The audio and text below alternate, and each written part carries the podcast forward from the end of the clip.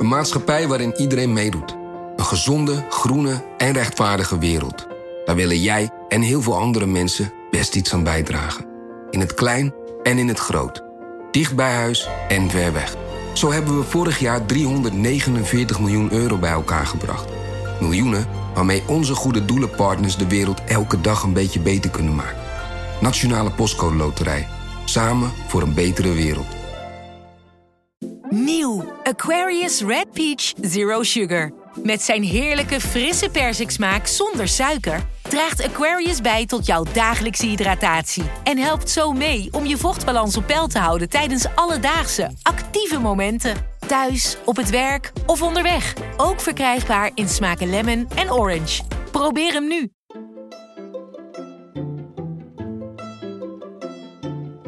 Wij zijn Onbehaarde Apen. Dit is een podcast van NRC over wetenschap.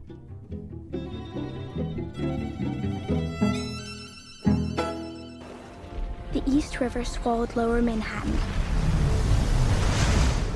A heat wave killed 2 million people in Madrid in just one day. But in that moment, facing our own extinction, it became clear that no single nation could solve this problem alone. The world came together as one, and we fought back. Scientists from 17 countries, led by the US and China, worked tirelessly, not as representatives of their nations, but of humanity. They found a way to neutralize the storms with a net of thousands of satellites, each deploying countermeasures designed to impact the basic elements of weather heat, pressure, and water, all overseen by the International Space Station. They gave the satellite net a technical name, but we all came to call it Dutch Boy, after the story of the child who plugged a dam with his finger.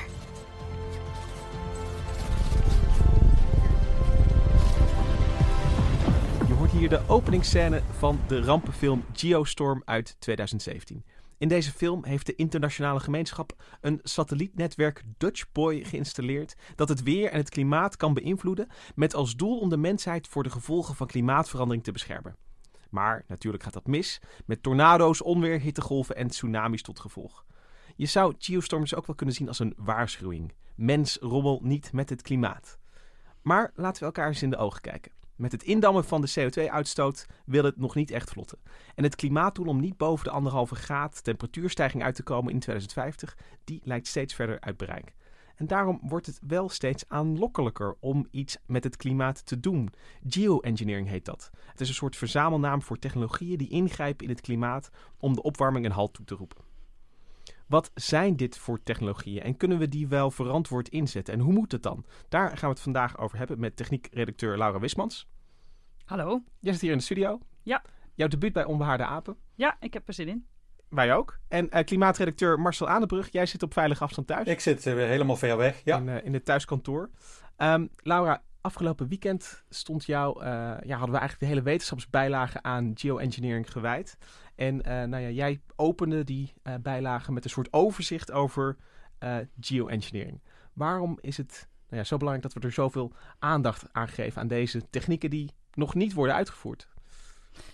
Nee, wordt, het wordt nog zeker niet uitgevoerd. Zover is het echt nog niet. Het staat heel erg in de kinderschoenen. Maar er wordt wel over nagedacht. En dit is ook wel het moment om je als mens af te gaan vragen: zouden we dit eigenlijk wel willen? En zo ja, wat kan er? En wat weten we nog allemaal niet?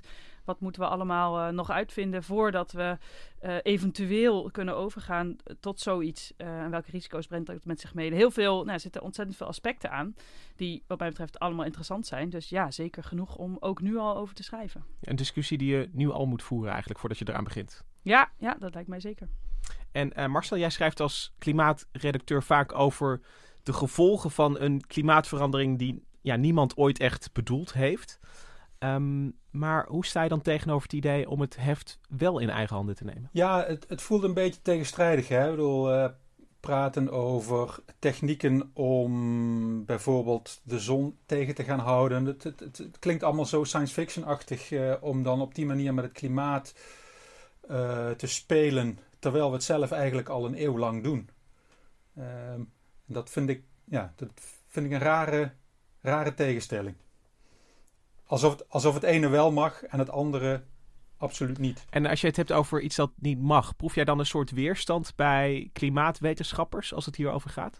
Nou, het is een beetje in, in kampen verdeeld. Er zijn mensen die uh, er het liefst helemaal niet over willen praten. Ehm, eh, en er zijn uh, wetenschappers die het graag willen onderzoeken en er meer van willen weten. Want mocht het ooit nodig zijn, dan, ehm, dan moet je weten wat, wat, de, wat de, de gevolgen zijn, hoe je daar greep op kunt houden. Dan heb ik nog een gewetensvraag voor jullie. Um, Laura, de het satellietnetwerk uit de film Geostorm heet Dutch Boy. Naar Hansje Brinker, die zijn vinger in de dijk stak. Hè, om, om, dit, uh, om het land te beschermen tegen de zee. Ook een soort ingrijpen in, in je omgeving. Hè, om mensen te, te beschermen. Uh, dus, dus als, uh, als je het zo zou zien. Vind je het dan een goed idee om die vinger dan inderdaad in de dijk te steken? Nou ja, als, het, als je het zo zou zien, wel natuurlijk. Want een vinger in de dijk steken, dat zorgt ervoor dat het direct de rest niet, uh, de, het stuk achter de dijk niet overstroomt. Maar het punt is dat je bij al deze technieken niet zo goed weet wat precies de gevolgen zijn. Als ik zou weten, ja, dit gaat helemaal goed komen, zou ik meteen mijn vinger in de dijk steken. Maar ja, dat kan echt niet gezegd worden. Dus op dit moment, moi, pinkje misschien. Een pink. En uh, Marcel, als je het... Uh... Ik zou mijn vinger, nee, ik zou mijn vinger absoluut niet in de dijk steken omdat, het, omdat ik dan als enige persoon daarvoor verantwoordelijk eh, ben. En uh, wij zijn met z'n allen verantwoordelijk voor, uh, voor dit probleem. Jij zou eerst ruggespraak vragen en, en, en, en zorgen voor een gedragen besluit. Nou, ook, ook al wordt het gedragen, dan zou ik nog steeds niet mijn vinger in de dijk steken. We moeten met z'n allen, we moeten met z'n allen naar die dijk en allemaal vingers erin steken. Oké, dat vind ik een heel eerlijk antwoord. Um, ja. Dan gaan we nu dieper die geoengineering induiken. Um, het klinkt als een uh, science fiction term. Dat, is, dat hebben we al gezegd. Geoengineering. Um, waar komt dat woord precies vandaan en wat bedoelen we daarmee? Ja, het ja, engineering, hè? Uh, uh, iets maken om het klimaat uh, te beïnvloeden. Overigens, geoengineering, je zou een dijk bouwen ook al geoengineering kunnen noemen, want ook dat maakt dat je iets doet met het landschap. Um, zodat, je daar, zodat het niet overstroomt. Dus veel mensen die zeggen, nou noem dit dan climate geoengineering. Om nog weer beter onderscheid te maken over hoe groot en meeslepend dit kan zijn. En is het dan, um, uh, er is dus nog discussie over de term en hoe je het precies uh, moet noemen. Wat zijn een paar van de alternatieven voor geoengineering? Je noemt al climate geoengineering, maar zijn er nog meer? Nou, de overkoepelende term daar is niet zo heel veel discussie over. Maar waar wel veel discussie naartoe gaat, is dat er eigenlijk twee smaken van geoengineering zijn. Uh, je kunt uh, um, CO2 afvangen op een heel aantal uh, manieren. Of je kunt de, de straling van onder meer de zon beïnvloeden. En dat valt allemaal onder de paraplu-term geoengineering. Uh, maar het impliceert heel andere dingen. En bijvoorbeeld die, die straling um, afvangen, daarvan zeggen mensen, ja, uh, dat, dat, dat, dat moet echt een heel heftige naam krijgen, want dat is een enorm uh, heftig ding. Dus sommigen noemen het nou, best liefelijk solar radiation management, terwijl anderen zeggen, nee, noem het solar radiation modification of zelfs manipulation. Dus in, binnen die termen, daar is al een enorm debat gaande. Um, en uh, ja, daarin zie je ook meteen eigenlijk de gevoeligheid van het onderwerp. Als je over de term al niet, het, het niet makkelijk eens kunt worden, uh, laat staan over de uitvoering en de implementatie. De discussie doet mij daarin ook een beetje denken aan de biotechnologie, uh, waar het ook ging over, uh, als het gaat over het veranderen van uh, genen van organismen, dan, wordt dat ook door sommige mensen genetische modificatie genoemd.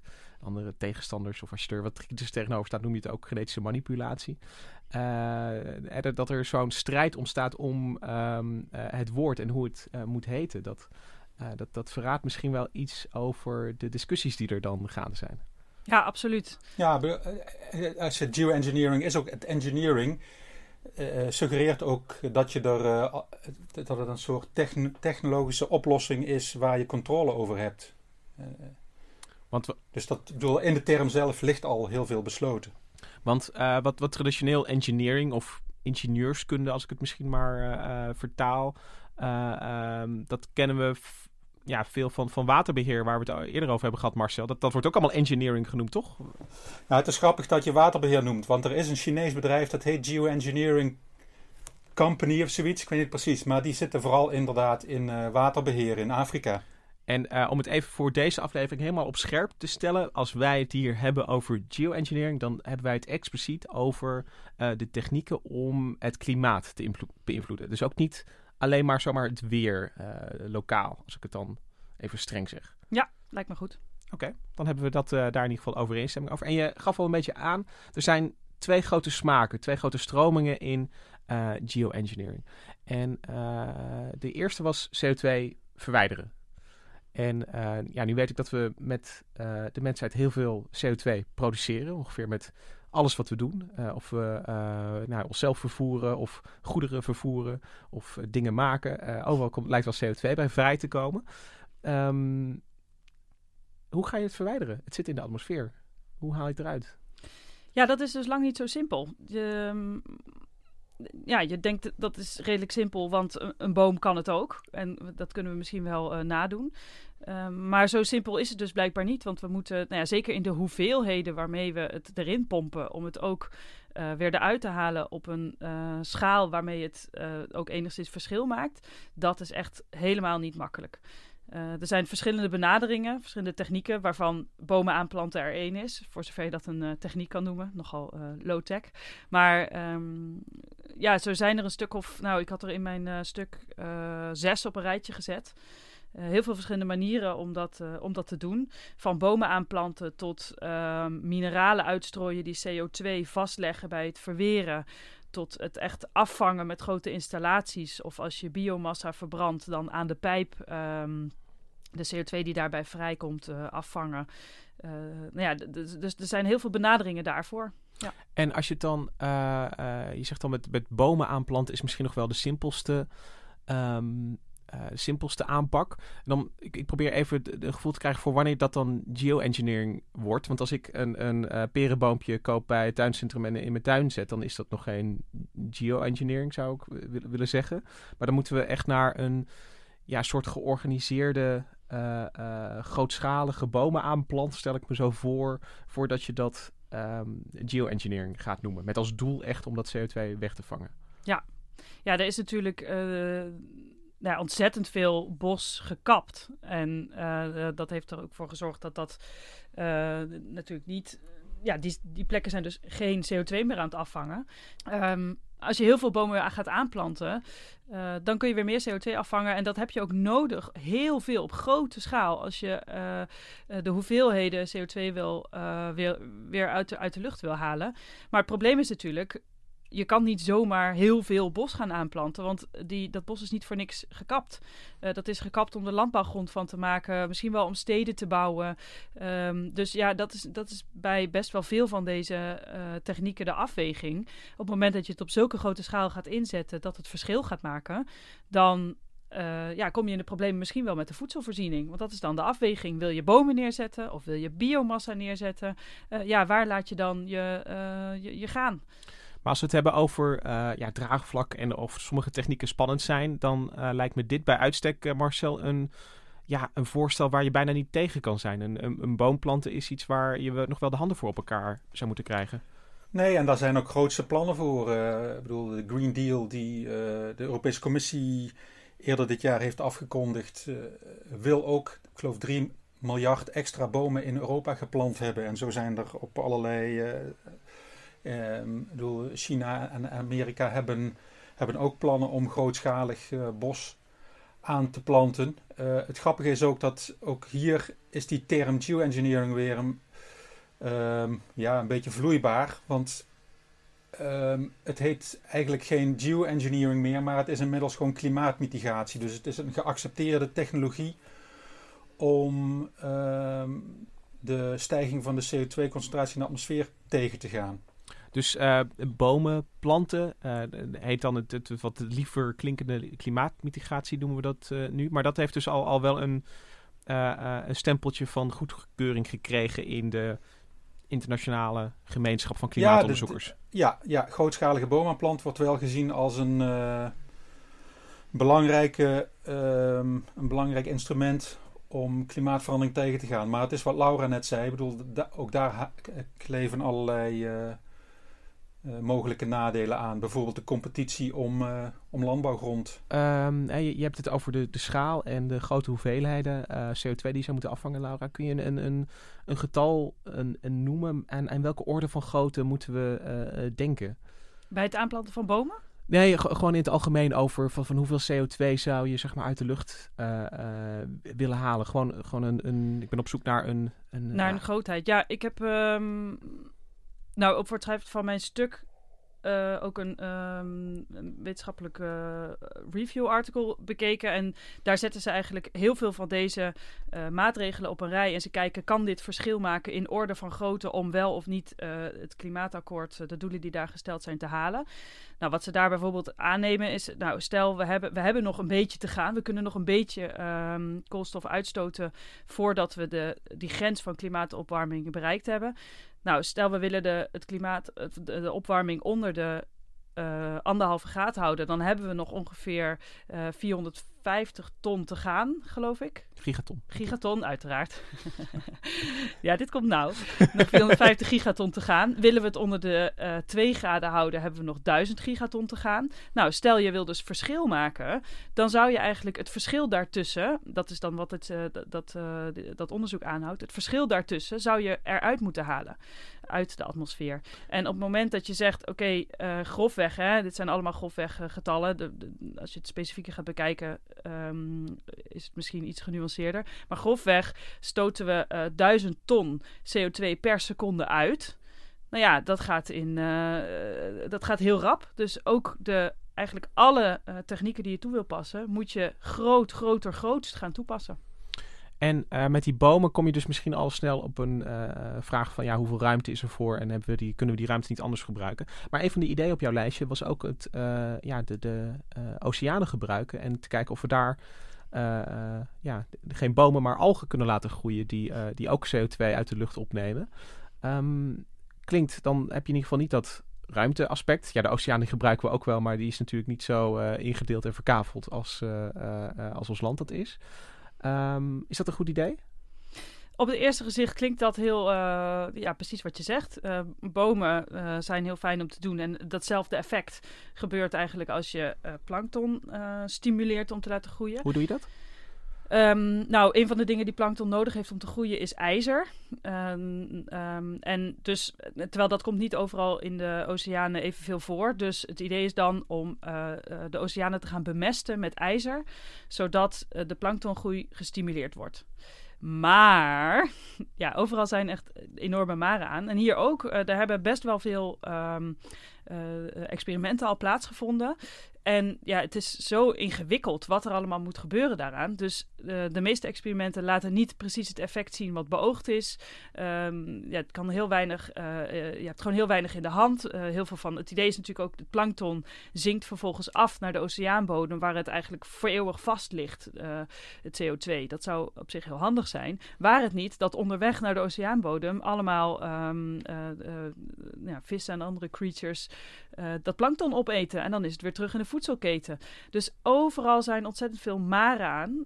Um, en ook, ook hier weer, ja, als je ijzer op zulke grote schaal in zee gaat gooien, wat heeft dat precies voor gevolgen voor um, nou ja, het hele oceaanleven? Um, ja, je gooit toch wel een, een stof die daar niet per se in grote hoeveelheden voorkomt, ga je erin gooien. Kan niet goed zijn, toch? zijn er ook manieren waarop je de, de tussenpersoon kan uitschakelen? Zeg maar dat je niet een, een boom of een alg uh, nodig hebt, maar dat, je, dat we gewoon zeggen: we gaan het CO2 gewoon zelf uit de lucht halen met een luchtwasser of filter of op een of andere manier dat ja, op een soort industriële manier aanpakken. Ja, dat is er. Ook dat staat nog, nog steeds in de kinderschoenen, uiteraard. Uh, net als eigenlijk bijna alles. Um, maar ze noemen het uh, direct carbon capture. Uh, en eigenlijk, ja, precies wat jij zegt. Enorme turbines zetten ze dan neer die uh, CO2 of eigenlijk buitenlucht uh, opzuigen en dat langs een, um, een sorptiemiddel laten gaan waar de CO2 soort van aan blijft, plakken.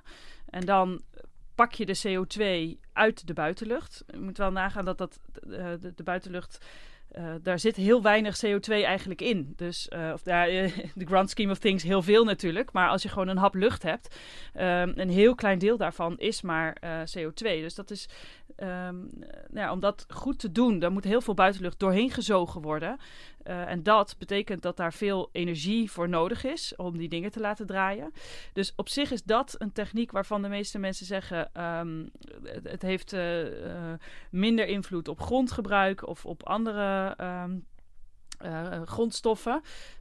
En het is iets wat we direct uit de lucht halen zonder daar um, ja, problemen voor het milieu mee te veroorzaken, bijvoorbeeld. Wat bij heel veel andere manieren wel zo is. Uh, in die zin is het dus een hele fijne manier om dat te kunnen doen.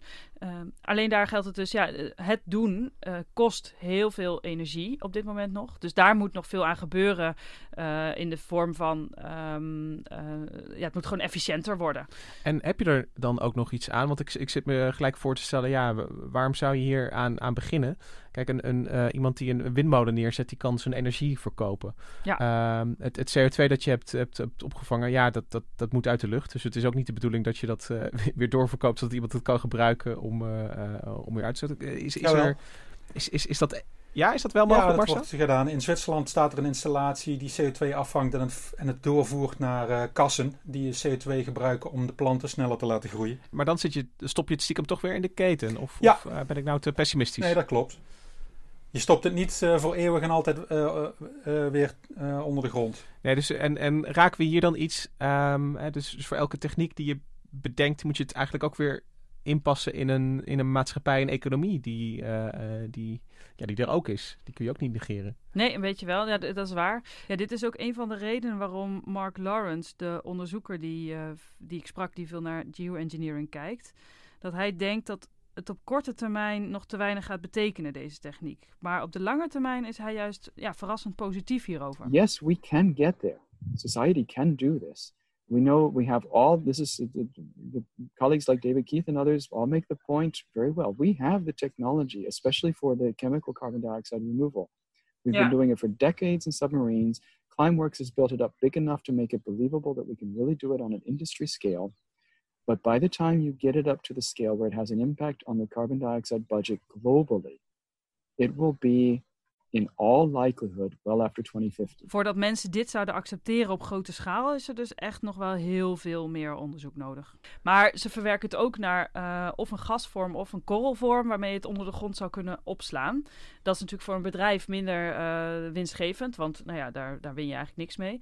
Uh, misschien een combinatie daar, daarvan dat dat uiteindelijk op termijn voor een bedrijf wel iets zou kunnen betekenen. Maar uh, ja, op deze manier wordt het verwerkt en opgeslagen. Het wordt niet allemaal weer, weer hergebruikt. Ja, tenzij je er subsidie voor krijgt. Uh, en dat, dat moet geregeld worden. De, de, maar hier, hier is vooral heel veel um, tegen dat opslaan. Is vooral heel veel um, maatschappelijke weerstand om de een of andere reden. Ik uh, kan me uh, herinneren een, een woonwijk in Nederland waar dat in ieder geval uh, werd voorgesteld om dat te doen. ja, daar kwam de, Barendrecht. Ja, daar kwam de, de buurt toch in, ehm, ja, niet, niet in opstand, maar uh, tekende toch bezwaar ja, aan. Wel een, wel een opstand, zeker. het, is, het is er uiteindelijk niet van gekomen.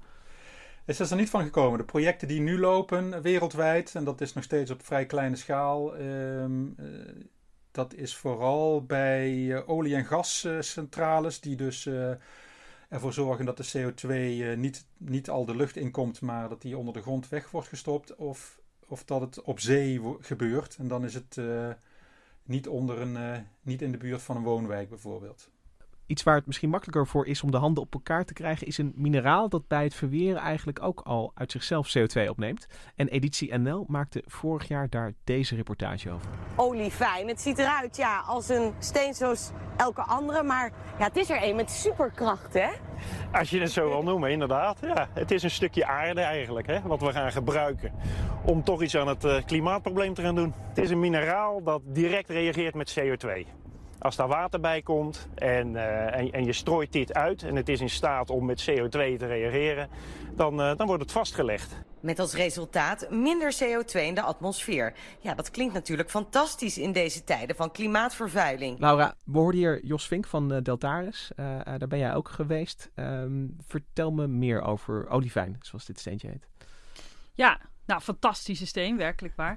ja, ik, ben, ik, ben inderdaad ook uh, gaan kijken bij Deltaris. Ze zijn daar namelijk een uh, uh, veldproef gestart om te kijken wat er nou precies gebeurt um, als olivijn verweert. Wat gebeurt er met de bodem? Wat gebeurt er met eventuele begroeiing? Um, want het idee van olivijn is, is heel interessant. Het is namelijk een, um, een mineraal wat heel veel voorkomt. vulkanisch gesteente, wat ja, bij alle plaatranden uh, aan het oppervlak best wel voorkomt. En van zichzelf legt dat al CO2 vast. Uh, als het verweert. Natuurlijk is een brok olivijn verweert niet zo heel snel. Maar als je het vermaalt tot zand of nog kleiner dan dat. Uh, dan gaat die verwering ineens um, um, nou ja, een stuk sneller. Uh, het heeft water nodig om te, uh, om te verweren. Dus uh, wat, wat Deltaris bijvoorbeeld doet, is kijken hoe je dat kunt toepassen op plekken waar je normaal gesproken zand of grind zou gebruiken. Dus dat je het eigenlijk, in plaats van dat je zegt van oké, we gaan deze ruimte opofferen om er olivijn, zeg maar, een olivijnveld van te maken, ga je kijken van, van kunnen we dat eigenlijk al slim toepassen op plekken waar we toch al uh, verguis, uh, verguismateriaal nodig hebben. Ja, ja, want in theorie zou olivijn, stel je zou, zou uh, Dataris heeft dat een keer uitgerekend, vertelde Jos Vink, stel je zou 7 kubieke kilometer aan, um, aan olivijn uitstrooien, dan zou je een uh, hoeveelheid uh, CO2 kunnen vastleggen. wat echt verschil maakt in het licht van die doelen van Parijs. Hè? Uh, maar goed, dat is niet heel realistisch. Want het moet ook nog onder goede omstandigheden worden uitgestrooid. Het is enorm, enorm veel. Dus dachten zij, ja, als je het nou toepast op plekken waar je het dus normaal gebruikt. bijvoorbeeld in weg- en wegenbouw. of bij het bouwen van funderingen. of in landbouwgrond. Waar je normaal gesproken, nou ja, overal waar, waar, waar veel zand voorkomt. als je daar olivijn aan toevoegt uh, dan kan het eigenlijk ja, een soort van uh, gratis uh, een hoop verweren. En, en, wat fijn is, is ook nog dat het, het slaat neer als kalk uiteindelijk. Dus als, als het verweerd is, dan, dan is het kalk. En in landbouwgrond bijvoorbeeld wordt ook veel kalk gebruikt, omdat dat ja, het helpt bij het op peil houden van de zuurgraad. Anders wordt land vaak te zuur. dus in, in principe heeft olivijn heel veel voordelen. Maar het klinkt ook een beetje alsof, uh, als, als nu die proeven beginnen om te kijken wat het in de bodem doet, dat, uh, dat hier ook weer een beetje het ja, kinderschoenenprobleem zich voordoet, zou ik bijna willen zeggen. Dat, er, dat we gewoon nog hele fundamentele uh, wetenschappelijke inzichten nodig hebben om te zien wat olif hoe olivijn zich precies gedraagt en wat het doet en of het ons kan helpen. Ja, ja Jos Vink vertelde dat dit ongeveer de eerste veldproef is die, die er plaatsvindt. En, en ja, hoe ziet dat er dan uit? Dan zijn er elf ja, veldjes van één vierkante meter met daaromheen uh, geel, uh, geel afzetlint. En daarin gebeurt het dan. Ja, dat is zo klein. Als je denkt, oké, gaat dit de aarde redden? Die twee dingen kan ik nu nog niet aan elkaar knopen. absoluut niet. Jij voelde nog niet die, die wereldschaal toen jij tussen die veldjes stond? Nee, absoluut niet. nee. nee. Maar dus de potentie is, als we er meer van weten, want daar is het dus voor bedoeld. We willen gewoon in, op detailniveau weten, wat gebeurt er met die verwering? Wat gebeurt er met, met planten? Wat gebeurt er met de bodem zelf? Ja, als je dat weet, kun je dat natuurlijk dan gaan, gaan opschalen. En ik, ik wil je ook even zeggen dat ik mijn vrouw ten huwelijk heb gevraagd met de verlovingsring waar uh, olivijn in zit. Ik ben blij dat ik dit nu weet. Prachtig. Maar hij valt dus uit elkaar, hè, uiteindelijk. nou, de, de, de slijper die, uh, die waarschuwde ons daar ook al voor. Die zei van, je weet dat dit niet een uh, ontzettend hard uh, gesteente is. Nee. Daar hebben edels, edelsmeden hebben daar een, ook hun eigen systeem voor. En die, die waarschuwing heb ik meegekregen. Verstandig. maar niets is voor altijd, denk ik dan. dat moet ik niet zeggen als ik het over mijn huwelijk dat heb, Dat zou ik ook niet doen. maar als het over die steen gaat, bedoel ik dan. Um, oh jee, oh jee. ja, dit moet ik straks weer gaan uitleggen aan mijn schoonmoeder, denk ik. Maar goed, uh, dat komt allemaal wel goed. Um, maar een, een steentje met superkrachten, uh, uh, dat, daar kunnen we dus ook wel wat, wat comma's en nuanceringen bij zetten, als ik het goed hoor. Nou, in principe, het, het, kan. A, uh, het kan CO2 vastleggen. Hartstikke mooi. B, het heeft ook nog andere voordelen. Zoals uh, het levert kalk op, wat je op andere plekken kunt gebruiken. Uh, dus in principe zitten daar veel voordelen aan. Maar hier, ja, net als bij eigenlijk al die andere dingen, schaal is het probleem. Dit in zijn eentje kan niet het, het, het grote CO2-probleem oplossen. Dat, dat denk ik niet. En Marcel, zie jij dat ook? Uh, we hadden het, met bomen hadden we ook over schaal. Um, is dat het zeg maar terugkerende probleem als we, als we het hebben over deze ja, CO2-wegvangmethodes? Dat het, ja, dat absoluut. Ik bedoel, het, het, het leidt eigenlijk alleen maar af van wat we eigenlijk moeten doen.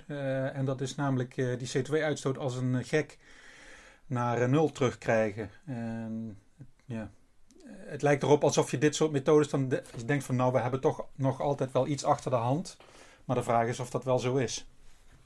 Ja, als ik het, uh, uh, als ik het een beetje hoor, is het, is het ja, allemaal heel voorbarig voorlopig. Uh, het, geeft in ieder geval nog lang geen vrijbrief om maar CO2 te blijven uitstoten. Nee, dat geeft het eigenlijk nooit. Alle mensen die ik hierover heb gesproken en alles wat je erover leest ook, één ding staat daar als een paal boven water. We moeten als een gek stoppen met het uitstoten van CO2. Want ook al heb je deze technieken om CO2 te verwijderen ontwikkeld, ja, je, we moeten dingen weghalen. En niet als je ondertussen het een beetje water naar de zee dragen natuurlijk. Je kan wel wat, of eigenlijk andersom, het is emmertjes water uit de zee halen. Je kan wel op die kleine schaal um, de, de, boel weg gaan halen. Maar als je tegelijkertijd nog steeds veel erin blijft pompen, ja, dan, dan, dan dat maakt gewoon geen verschil. We kunnen nog een uh, stapje meer science fiction maken. Want, want we ja, waren tot nu toe nog heel erg met onze voeten op de, uh, op de aarde. En kijken hoe we hier ook CO2 uit de atmosfeer kunnen halen. Maar een, de andere smaak geoengineering, die je in het begin al even noemde, die richt zijn blik naar boven. En eigenlijk naar het zonlicht dat op aarde komt. Uiteindelijk is de zon de bron van onze, al onze warmte die we hier voelen. en dan is het idee om een beetje van die straling tegen te houden. Hoe zit dat precies? Ja, dat is uh, inderdaad veel controversiëler nog dan uh, uh, al die CO2-technieken waar we het net over hadden. Want dit, nou ja, sommigen noemen het dus draaien aan de thermostaat van de aarde. Um, het is overigens, gaat er overigens niet alleen maar over zonnestraling, maar ook over, over straling in het algemeen. Um, dus het, is, uh, het zijn technieken om inderdaad de straling van de zon tegen te houden. Door, nou, de meest fantastische is wel uh, door spiegels in de ruimte te brengen. Zodat er ongeveer 1% minder uh, zonlicht de aarde zou bereiken. Nou, um, ik schreef in mijn stuk, vond ik zelf een heel leuk zinnetje. Dat is nog ver weg. maar dat, nou ja, daarvoor is de techniek eigenlijk nog niet ontwikkeld. Er is alleen een idee. Um, als je één stapje dichterbij gaat kijken, dichter bij de aarde, dan uh, kom je uit in de, in de stratosfeer. En daar um, willen ze, of zou het, willen ze helemaal niet. Zou het eventueel een optie kunnen zijn? Ik druk me nu heel voorzichtig uit. En dat is ook degene die hier daadwerkelijk onderzoek naar doet. Die drukt zich ook zo voorzichtig uit. Want het zou kunnen uh, dat dat verschil zou kunnen maken. Uh, je spuit dan hele kleine uh, deeltjes in de stratosfeer. Uh, bijvoorbeeld zwavel of um, kalk ook weer. En die zorgt ook dat er minder, die, die weerkaatsen meer zonlicht. Dus minder zonlicht zou de aarde kunnen raken.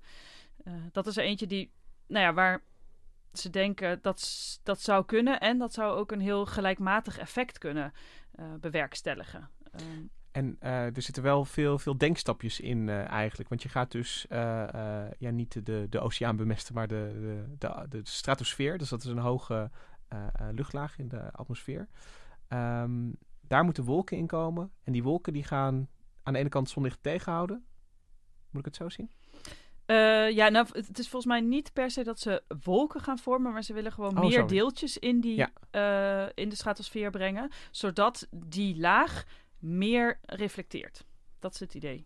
En uh, Marcel, dit idee is natuurlijk uh, ook een deel gevoed door een, een, geologisch inzicht, wou ik bijna zeggen. Want er wordt, als er dan uh, wordt teruggekeken naar vulkaanuitbarstingen en wat dat deed met het klimaat, wordt er wel vaak gezien dat na hele grote uitbarstingen, waarbij er zulke deeltjes in de, de stratosfeer terechtkomen, ook soms koude periodes Absoluut. volgen. Ja, en, en dramatische oogstverliezen ja, klopt. En is het daarmee, um, uh, zou je dan zeggen dat het experiment bij wijze van spreken al voor ons is uitgevoerd? Um, nou, um, volgens mij, degene die daar uh, aan werken, uh, die, nou, het, het varieert waarin de, een, de ene wil het wel met vulkanische uitbarstingen vergelijken, de andere niet, omdat het vulkanische uitbarsting is uh, vrij uh, ongecontroleerd. En, uh, zeg dat wel. Zij willen natuurlijk wel de, de indruk, wennen, indruk, wekken dat het, dat het wel gecontroleerd kan. en bovendien komt er bij een vulkanische uitbarsting nog veel meer dan alleen maar die zwaveldeeltjes in, de, in, de, in, de, in de atmosfeer. Hoe zien ze dat dan precies voor zich, Laura? Moet ik me ja, vliegtuigjes voorstellen die die deeltjes naar boven gaan brengen? Ja, er, wordt, uh, ja, er zijn meerdere opties, maar de meest uh, bekeken opties zijn inderdaad vliegtuigen die dan speciaal ook naar die hoogte vliegen. Daar vliegen natuurlijk lang niet alle vliegtuigen. En die speciaal ervoor zijn om dit um, ja, in, hun, ja, in te spuiten, noemen ze dan. Of met atmosferische luchtballonnen dat zijn eigenlijk de twee manieren waarmee dat uh, zou kunnen. Ze hoe wordt hoog ook zou je moeten gaan dan, zo'n vliegtuigje? Wat zei je? Hoe hoog zou je moeten gaan?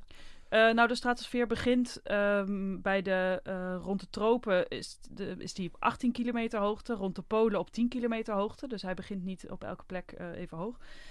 Um, dus ja, dat moet, moet flink hoog gaan. En moet je dat dan ook op een gelijkmatige manier verdelen? Of, uh, of regelt zich dat wel in, in de stratosfeer? Dat als je zeg maar boven de polen uh, zeg maar een hele flinke bak uitstort, dat je dat na verloop van tijd ook, ook wel gewoon over de hele aarde. Nou, juist andersom. Um, als je het boven de tropen uit, uh, uit, in zou spuiten, dan zou het zich vanzelf verspreiden richting de polen dat is het idee. Overigens daar ook nog ontzettend veel over onbekend. Uh, dat is eigenlijk met al deze dingen. Uh, in, in, theorie, er zijn uh, atmosferische modellen waar ze best wel iets mee kunnen, maar niet gedetailleerd genoeg om echt te weten wat dit betekent. Waarom ze denken dat dit wel een techniek is die uh, eventueel zou kunnen, is uh, omdat die verspreiding redelijk vanzelf gaat en daarmee ook vrij gelijkmatig. Want dat is het grootste um, um, um, ja, probleem eigenlijk met zeker deze vorm van uh, geoengineering heeft iedereen wel hetzelfde effect ervan? Of eigenlijk zorg je niet dat het droger wordt op droge plekken en natter op natte plekken? Uh, zorg je niet dat uh, de extremen nog extremer worden, uh, oogstverliezen, overstromingen, al dat soort dingen wil je natuurlijk voorkomen. En stel je gaat op één plek. Um, ingrijpen in het klimaat, dan heeft dat invloed op het klimaat op een andere plek. Want het staat allemaal met elkaar in, in verbinding. Uh, oceanen en luchtstromen. Uh, ja, dat, het is niet dat op, eh, op, één plek kun je niet iets doen en dan is het klaar. Dus uh, waarom deze techniek um, interessant is om te bekijken, omdat het een redelijk gelijkmatig effect zou kunnen hebben. En, en dus dat het werkt dat er juist minder extreme komen. maar goed, ja, helemaal zeker weet niemand het. En, en dat is ook spannend hieraan. En het probleem lijkt me ook dat als je, um, ja, je de, waar je in zee nog bij wijze van spreken met die algen kun je zeggen van oké, we gaan het hier proberen en kijken wat het doet. Is dat met uh, de stratosfeer lijkt me dat ook veel lastiger. Want je hebt niet ja, je kunt geen luchtkolom zeg maar even uh, af, uh, afzetten met afzetlint. Nee. Zoals het olivijn. En, en dan even kijken wat er, wat er daarin gebeurt op het klein. Ja, nee, dat kan inderdaad niet. Dus er, er gebeuren nu wel experimenten. Ik sprak, of nou, het is nog niet gaande trouwens, maar er worden experimenten voorbereid. Ik sprak met een onderzoeker van Harvard, David Keith. En wat zij nu willen doen, is um, met zo'n luchtballon 1 of 2 kilo aan deeltjes in de atmosfeer brengen. Nou, dat is dus bijna niks, echt bijna niks. En uh, dan willen ze maar eerst maar eens gaan kijken hoe gedragen die deeltjes zich. Want ook daar weten ze nog te weinig van. Dat is op hoe kleine schaal dit allemaal nu uh, er nog is. Overigens, wat we helemaal niet gezegd hebben, wat, wat wel interessant is. Um, CO2-afvangen zorgt voor minder CO2 en daardoor minder broeikaseffect. Dit zorgt, eh, deze stralingstechnieken, zorgen gewoon direct voor minder uh, zonnestraling naar aarde of minder warmtestraling van aarde uh, naar de wolken. Uh, en dus dat zorgt direct voor minder, uh, voor minder uh, hitte. Maar het doet dus niks voor het weghalen van de CO2. En dat is ook een van de andere hele grote problemen hier. stel, we hebben het allemaal voor elkaar. we weten dat dit zou kunnen werken. We hebben met elkaar uitgevogeld wie dit mag doen en wie niet. Um, maar stel, er gebeurt iets waardoor we niet meer die deeltjes kunnen inspuiten Uh, het is namelijk ook dat het na verloop van tijd uh, uh, verdwijnt. Dus je moet bijspuiten. Het lijkt botox wel.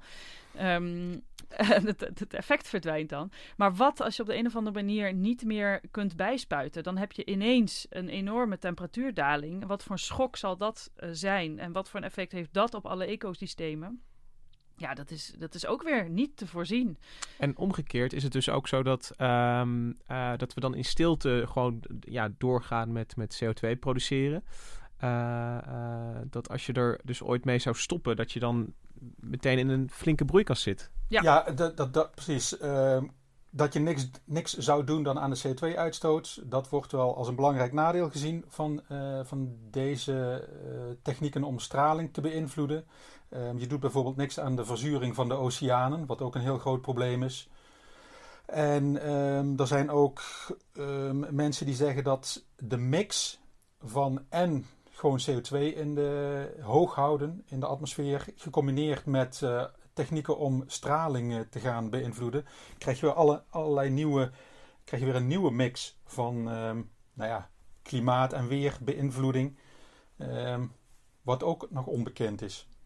Die we nog niet kennen eigenlijk. Die we nog niet kennen, ja. Uh, als het gaat om die klimaatmitigatie, Marcel, zei jij van ja, dat, dat, uh, dat CO2 wegvangen, dat, dat zijn inmiddels wel hoofdstukjes geworden in, in IPCC-rapporten. Dat, dat, dat de bomen aanplanten wordt er wordt serieus over gesproken. Is dat met uh, stralingsmanagement ook zo? Um, het wordt wel genoemd nu in het laatste anderhalve graden rapport. Dus dat heeft gekeken naar is er een verschil um, als, de, als de aarde anderhalf of twee graden opwarmt? Um, is, is, is dat een groot verschil? Daar worden die technieken wel genoemd, um, maar niet in de zin van uh, al toepassing. In datzelfde rapport staan ook allerlei uh, scenario's voor hoe we op die anderhalve graden zouden kunnen uitkomen of binnen die grenzen zouden kunnen blijven.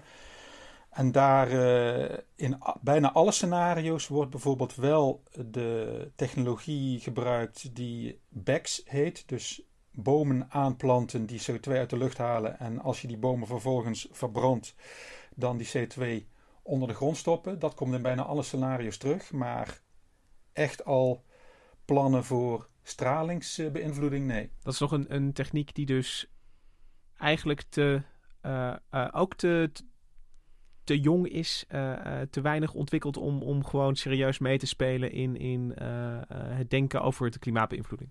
Absoluut, dat is wat, Laura net al zei.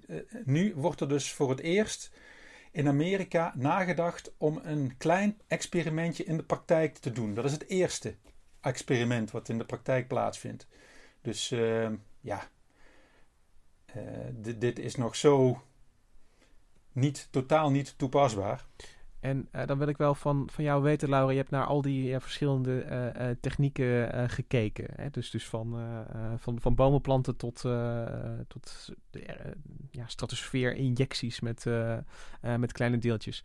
Um, voordat jij aan die verkenning begon, uh, was je misschien, had je misschien ook al ideeën over van, van ja, uh, van, van is het misschien een oplossing? Wat, wat, wat, wat blijft er over als je dan, dan kijkt naar wat er allemaal gebeurt en wat er allemaal kan? Ben je dan ja, optimistisch en denk je van, oh ja, we, mensen kunnen wel ja, heel erg veel, er zijn wel veel verschillende dingen te doen? Of ben je toch een beetje teleurgesteld met de oogst?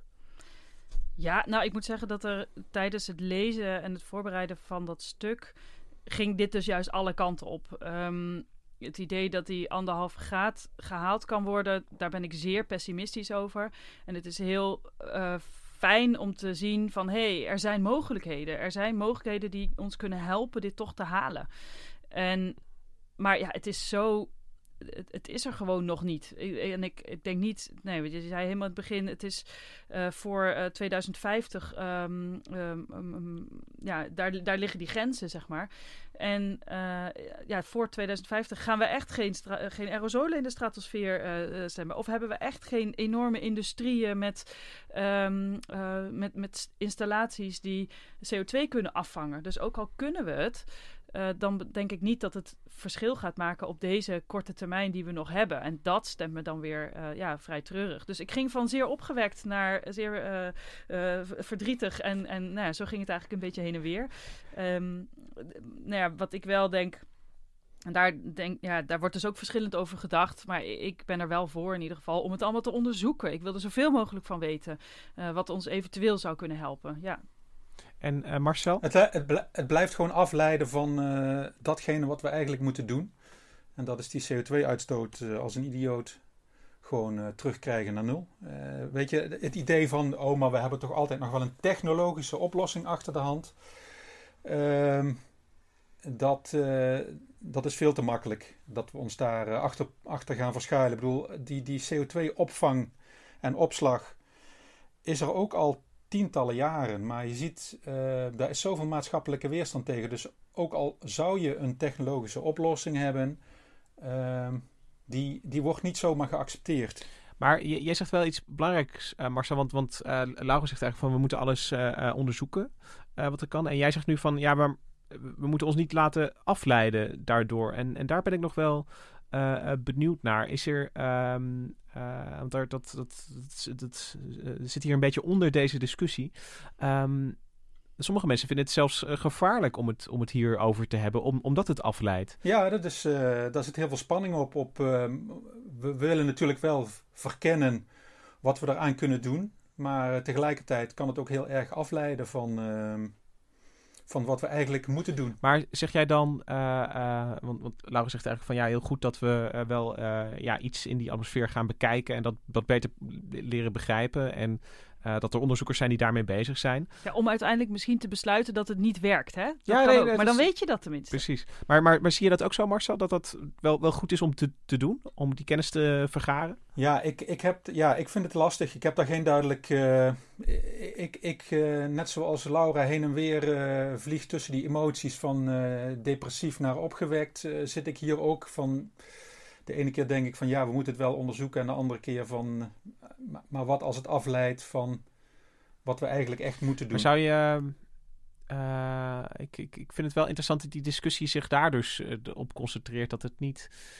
Uh, het, het, het, voelt wel bijna onwetenschappelijk om daar van tevoren over na te denken en een keuze over te maken. Mm, ja, ik weet niet of dat. Ja.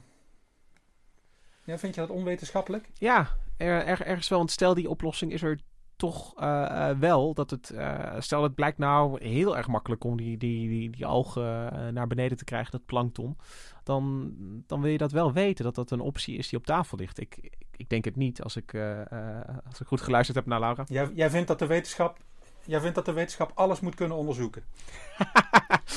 komen bij een hele fundamentele ja, discussie uit. We, komen in een leuke hoek nee, terecht. Dit is een ja. ja, maar je zit, ja, dat is een filosofische discussie. Ja, ja precies. En dat, dat, dat, dat proefde ik al aan het begin met, met, met die termen die ervoor gekozen uh, worden.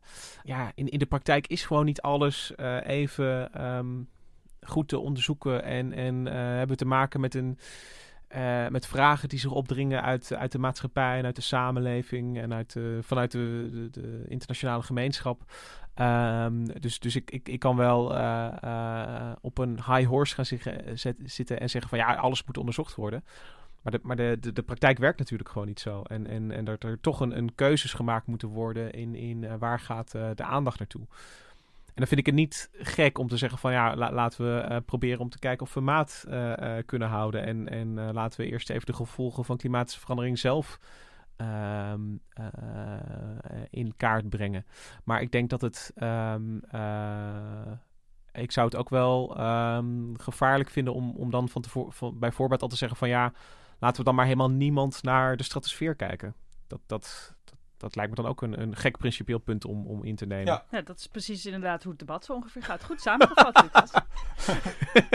Overigens, waar we het nog helemaal niet uh, over gehad hebben, maar waar ook heel veel onderzoek naar gedaan wordt, is uh, de andere grote vraag die hierboven hangt. Stel, we kunnen dit allemaal. Stel, het is er allemaal.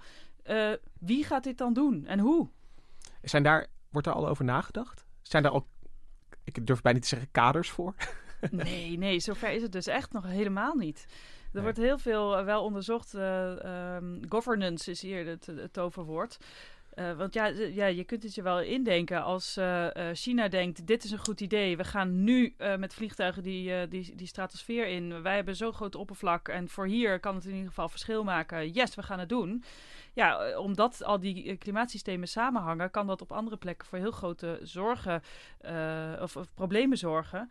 Um, en dat maakt dat je dit alleen maar, als je dit gaat doen, kan het alleen maar dat je dit wereldwijd goed georganiseerd hebt. En dat dit uh, ja, voorbij gaat eigenlijk aan alle uh, andere uh, ja, geopolitieke problemen die mensen wel met elkaar kunnen hebben. Hier moeten mensen, moet de hele wereld het over eens zijn. Anders kun je dit niet toepassen, niet op schaal dat het verschil gaat maken. Maar als ik dan kijk naar hoe de governance van CO2-beperking uh, uh, of uitstootbeperking al niet echt van de grond uh, komt. Met eh, verdragen die worden afgesloten en dan worden, worden die verdragen toch weer in twijfel getrokken. Dan, vorig jaar, vorig jaar is er geprobeerd binnen de Verenigde Naties. Um, Zwitserland heeft met een aantal landen een, een, een plan gepresenteerd om geoengineering om daar een soort uh, rapport over te gaan opstellen. Een soort samenvattend rapport van hoe staan we nou en kunnen we richtlijnen opstellen um, om hiermee om te gaan. En uh, dat is uh, van tafel geveegd door onder andere Amerika en Saoedi-Arabië. en daar spelen oliebelangen een rol en daar, spelen, speelt een rol. Wij willen, uh, wij willen autonoom zijn, wij willen niet dat anderen ons beleid gaan bepalen. dus dat is ook weer moeizaam om daar iets geregeld te krijgen. Het lastige dan is, is toch maar dat, dat gevoel overvalt me vaak als het gaat over klimaat. Van ja, natuurlijk wil iedereen autonoom zijn, maar uh, als het gaat om, om uh, de planeet en de atmosfeer, dan zitten we er ja, toch met z'n allen een beetje vast aan uh, ja, in hetzelfde schuitje. Aan elkaar, ja. Ook weer een um, mooie filosofische okay, met, discussie. zeker. Uh, het is dus met, met gemengde gevoelens dat we uh, naar geoengineering uh, kijken. Maar ik ben wel heel erg toch, toch wijzer geworden over in welke kant het denk ik in ieder geval uitgaat. Dus Laura en Marcel, ontzettend bedankt. Ik, ik wil nog, wel nog één, één dingetje zeggen. Want die hele discussie over geoengineering is eigenlijk, is, heeft een Nederlands tintje. Want Paul Krutse, Nobelprijswinnaar, die heeft ontdekt wat CFK's met de ozonlaag doen.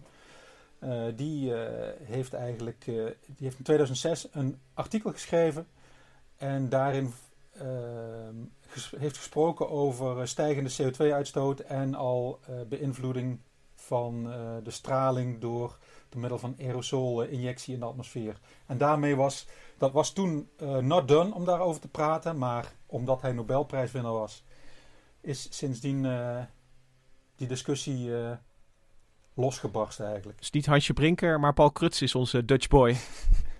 Yes. Dankjewel Marcel dat ik dit uh, op deze noten aflevering kan eindigen. hadden we, niet, uh, hadden we echt niet bedacht van tevoren, maar dat is, uh, zo is hij wel heel erg mooi rond. dank jullie wel allebei. Um, uh, luisteraars ook heel erg bedankt. Kim Kabbedijk, bedankt voor um, uh, de productie van deze aflevering. Ik wil luisteraar Bram ook nog even bedanken. Want in de podcast over droogte ja, kwamen we al zo pratend over van ja, hoe zou het eigenlijk in de peel zijn met die bos, bos, bosbranden.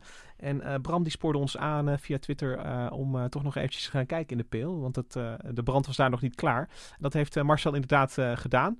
Marcel, jij zag daar dat het, de veenbrand nog woedde? Ja, het was fascinerend. Echt, uh, bedoel, ik ben al drie uur uh, rondgewandeld met een boswachter van Staatsbosbeheer. En ik bedoel, zes weken nadat die brand had gewoed en iedereen dacht van nou, dat is geen issue meer. Maar omdat het een veengebied is, is die brand dus nog, bleef die gewoon ma uh, anderhalve maand lang ook ondergronds ja. smeulen. En uh, nou ja, daar heb jij een mooie reportage voor geschreven die uh, op de website van NRC is terug te vinden. En als je je nou aanmeldt voor de Facebookgroep van Onbehaarde Apen, dan krijg je dit soort informatie ook veel sneller tot je.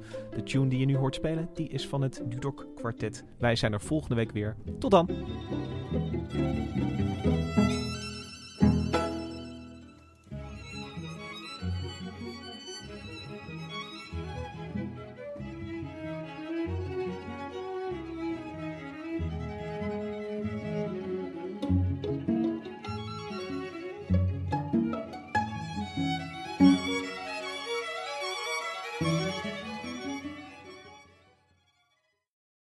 De financiële markten zijn veranderd, maar de toekomst, die staat vast. We zijn in transitie naar een klimaatneutrale economie. Dit biedt een van de grootste investeringskansen van onze generatie.